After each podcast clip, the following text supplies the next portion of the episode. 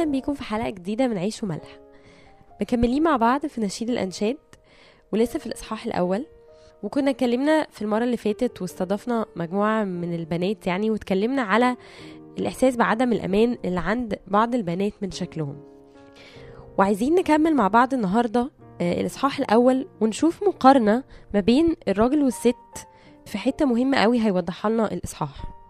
حابة أكمل معاكم من أول آية سبعة المكان اللي وقفنا عنده المرة اللي فاتت. في آية سبعة آه، شولاميت بتسأل سليمان بتقوله أخبرني يا من تحب نفسي؟ أين ترعى؟ أين تربض عند الظهيرة؟ لماذا أنا أكون كمقنعة عند قطعان أصحابك؟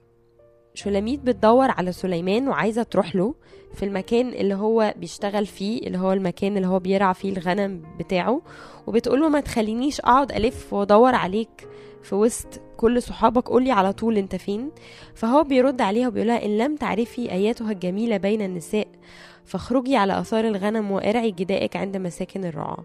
بيقولها لو أنت مش عارفة تلاقيني اطلعي ورا آثار الغنم بتاعتي ودوري عليا.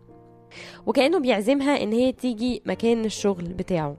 وبنلاحظ هنا إن سليمان دي أول مرة بيتكلم فيها وأول ما بيبتدي ينده عليها بيقولها آياتها الجميلة بين النساء. وكأن سليمان عايز يقول لنا إنه هو عارف وفاهم كويس قوي إنه ممكن هي يبقى عندها إحساس بعدم الأمان تجاه شكلها. وهو مصمم إن هو يلغي عندها الشعور ده ويقول لها إن هي جميلة جدا في وسط النساء بالنسبة له. وهيكمل سليمان مدحه في شلاميت في آية عشرة وبيقولها لقد شبهتك يا حبيبتي بفرس في مركبات فرعون. ما أجمل خديك بصموت وعنقك بقلائد. بيقولوا بقى بعد كده بيردوا بنات أورشليم في آية 11 نصنع لك سلاسل من ذهب مع جمان من فضة. سليمان مكمل في غزله الشلاميت وفي ناس بتفسر في الجزئية دي إنه بيتغزل بس لحد العنق بتاعها وده معناه وهنلاحظ إن هو مكمل على النمط ده لحد العنق بس لحد الإصحاح الثالث مما يدل على إن الفترة دي كانت فترة خطوبة ما بينهم لأنه سليمان ما كانش لسه شاف أي حتة تانية من شلاميت وان هي كانت بتلبس لبس حشمة فكان بيتغزل بس لحد العنق. وهنلاحظ إن هو مصمم إن هو يقول لها أنت جميلة جدا في عينيا أنت أجمل واحدة.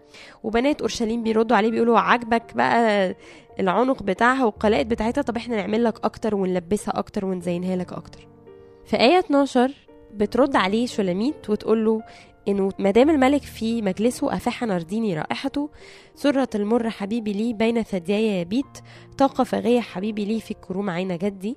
بتقول له طول ما انت موجود أنا بحب أتزين وأتعطر عشانك. وده حاجة حقيقية أغلبية الستات بتحب إن هي تتشيك وتلبس وتحط perfume لجوزها أو لخطيبها عشان تبقى حلوة في عينيه.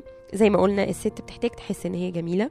وبعد كده بتقوله إن هي نفسها إن هو يبقى في حضنه. زي ما قلنا هما في الوقت ده كانوا لسه مخطوبين.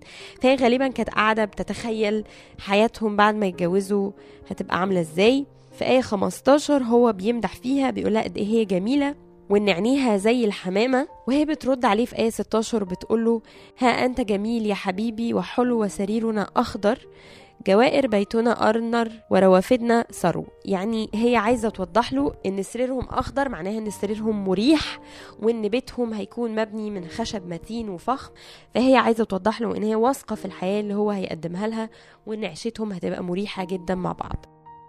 بيبان لنا من مدحهم لبعض نقطة مهمة جدا. وعايزين نرجع للجزء الأولاني لما شولاميت كانت بتقول لسليمان اسمك دهن مهراق. إن هي كانت بتقول له إن اسمه كل الناس بتتكلم عليه وقد إيه هو زي ما كنا بنقول إن هي سعيدة قوي إن هي تكون معاه ان هو سمعته تحفة. وهنلاحظ إن هي بعد كده جاية لما جت تمدحه بعد كده بتقول له إن عيشتهم مع بعض قد إيه تبقى مريحة وإن هو هيوفر لها رغد العيش.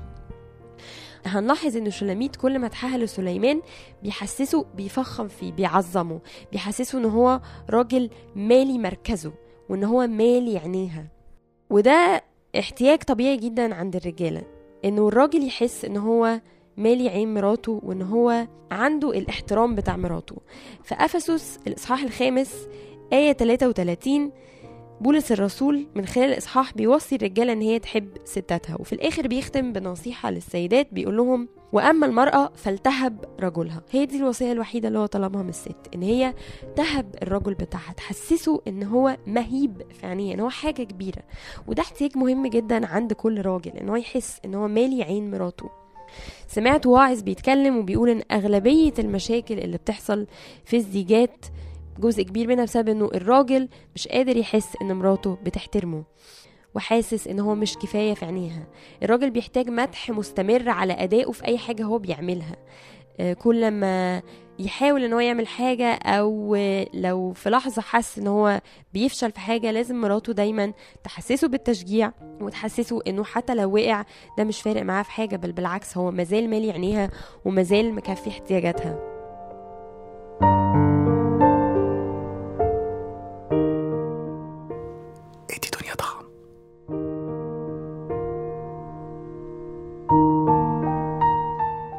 من الناحية التانية هنبص على سليمان مع شلاميت هنلاقي إن كل كلامه ليها غزل في شكلها.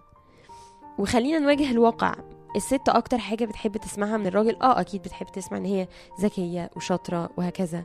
بس مفيش مجاملة أو كلمة بلاش مجاملة كلمة حقيقية بتسعد الست زي ما بتكون كلمة على شكلها.